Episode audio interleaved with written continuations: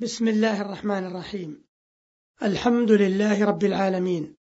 والصلاة والسلام على أشرف الأنبياء والمرسلين. نبينا محمد وعلى آله وصحبه أجمعين. أيها المستمعون الكرام سلام الله عليكم ورحمته وبركاته. أما بعد فإن الحديث ها هنا سيكون حول هداية قول الله تعالى في سورة سبأ باعد بين أسفارنا. قال الله عز وجل لقد كان لسبأ في مسكنهم آية جنتان عن يمين وشمال كلوا من رزق ربكم واشكروا له بلدة طيبة ورب غفور. قيل في تفسيرها كان لكل رجل منهم في مسكنه جنتان جنة عن يمين المسكن وجنة عن يساره. فكانوا يتفيئون ظلالهما في الصباح والمساء ويجتنون ثمارها من نخيل وأعناب وغيرها. وقيل كانت مدينتهم محفوفة عن يمينها وشمالها بغابة من الجنات يصطافونها ويستثمرونها. بل قيل إن السائر لو وضع على راسه مكتلا لوجده قد ملئ ثمارا مما يسقط من الأشجار التي يسير تحتها. وكان من تمام نعمتهم أن يسر الله لهم الأسفار وعمران الديار. وكانوا إذا خرجوا من مأرب إلى البلاد الشامية قوافل للتجارة وبيع الطعام سلكوا طريق تهامة ثم الحجاز ثم مشارف الشام ثم بلاد الشام. فكانوا كلما ساروا مرحلة وجدوا قرية أو بلدا أو دارا للاستراحة وتزودوا. فكانوا من أجل ذلك لا يحملون معهم أزوادا إذا خرجوا من مأرب. وكانوا يسيرون غدوا وعشيا فيسيرون في الصباح ثم تعترضهم قرية فيريحون فيها ويقيلون. ويسيرون في المساء فتعترضهم قرية يبيتون بها. فمعنى سيروا فيها ليالي وأياما آمنين أي سيروا كيف شئتم. ولكنهم مع ذلك لم يشكروا نعمة الله بل أعرضوا وقالوا ربنا باعد بين أسفارنا. وقد درج المفسرون على أنهم دعوا الله بذلك فلم يقدروا نعمة الله العظيم قدرها. فسألوا الله أن تزول تلك القرى العامرة ليسيروا في الفيافي ويحمل الأزواد من الطعام والشراب.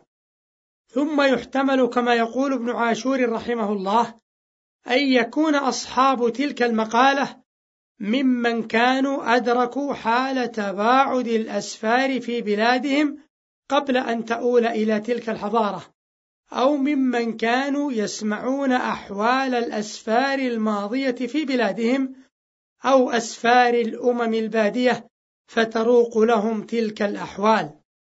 وهذا من كفر النعمة الناشئ عن فساد الذوق في إدراك المنافع وأضدادها. لذا كانت النتيجة فجعلناهم أحاديث ومزقناهم كل ممزق. إن في ذلك لآيات لكل صبار شكور. فصار أولئك القوم الذين يعيشون في بحبوحة من العيش أحاديث أي لم يبق منهم أحد. فصار وجودهم في الأخبار والقصص حيث تفرقوا بعد سيل العرم فكان ذلك مسرعا فيهم بالفناء بالتغرب في الأوطان والفاقة وتسلط العوادي في الطرقات حتى ضربت العرب بهم المثل في قولهم ذهبوا أو تفرقوا أيدي أو أيادي سبأ كما قال ذو الرمة فيا لك من دار تفرق أهلها أيادي سبا عنها وطال انتظارها. والمقصود معاشر المستمعين الكرام مما سبق إراده من هذه القصة ما تحمله تلك الآية من هداية ألا وهو التنبيه على أمر يقع فيه بعض الناس من المسلمين ممن أدركوا شظف العيش وشدة الفاقة وتباعد الأسفار. فمن الله بعد ذلك على الناس بوفرة المال ورغد العيش وكثرة وسائل الرفاهية والمواصلات وما جرى مجرى ذلك فتجد من الناس من يتلهف على ماضيه وسالف زمانه والحنين إلى الماضي مروءة. قال ابن عبد البر رحمه الله قيل لبعض الحكماء بأي شيء يعرف وفاء الرجل دون تجربة أو اختبار. قال بحنينه إلى أوطانه وتلهفه على ما مضى من زمانه. وما أجمل أن تذكر الحالة السابقة حتى ينبعث الإنسان إلى مزيد من الشكر. ولكن الذي يحصل أحيانا أن تذكر الحالة الماضية مصحوبة بشيء من التنكر للنعمة الحاضرة. فتجد من يقول هذه النعمة تسببت في الغفلة والقطيعة. فيا ليت حالنا الأولى ترجع حتى تعود الألفة والترابط. وقد يقول مثل ذلك من أبطرتهم النعمة فتراهم يملون حياة الدعة والراحة فيقولون بمثل المقالة السابقة ولا ريب أن ذلك ضرب من الجهل والتشبه بالذين مر ذكرهم في الآية. وإلا هل يريد أولئك أن ترجع إليهم حياة الجوع والفقر والمرض والسلب؟ أليس تيسر السبل ووجود الكهرباء ونعمة المساكن وتوفر الدواء وكثرة وسائل الاتصال من أعظم ما يبعث على الراحة والطمأنينة والأمن؟ والتفرغ للعبادة بمفهومها الشامل لمن أراد الآخرة وسعى لها سعيها.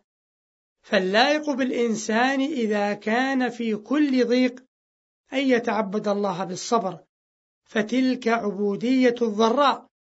وإذا وسع له في الرزق أن يزيد من الشكر فتلك عبودية السراء. ولهذا تأمل الآيات السابقة كيف ختمت بخاتمة عجيبة حيث جمعت بين وصفين عظيمين.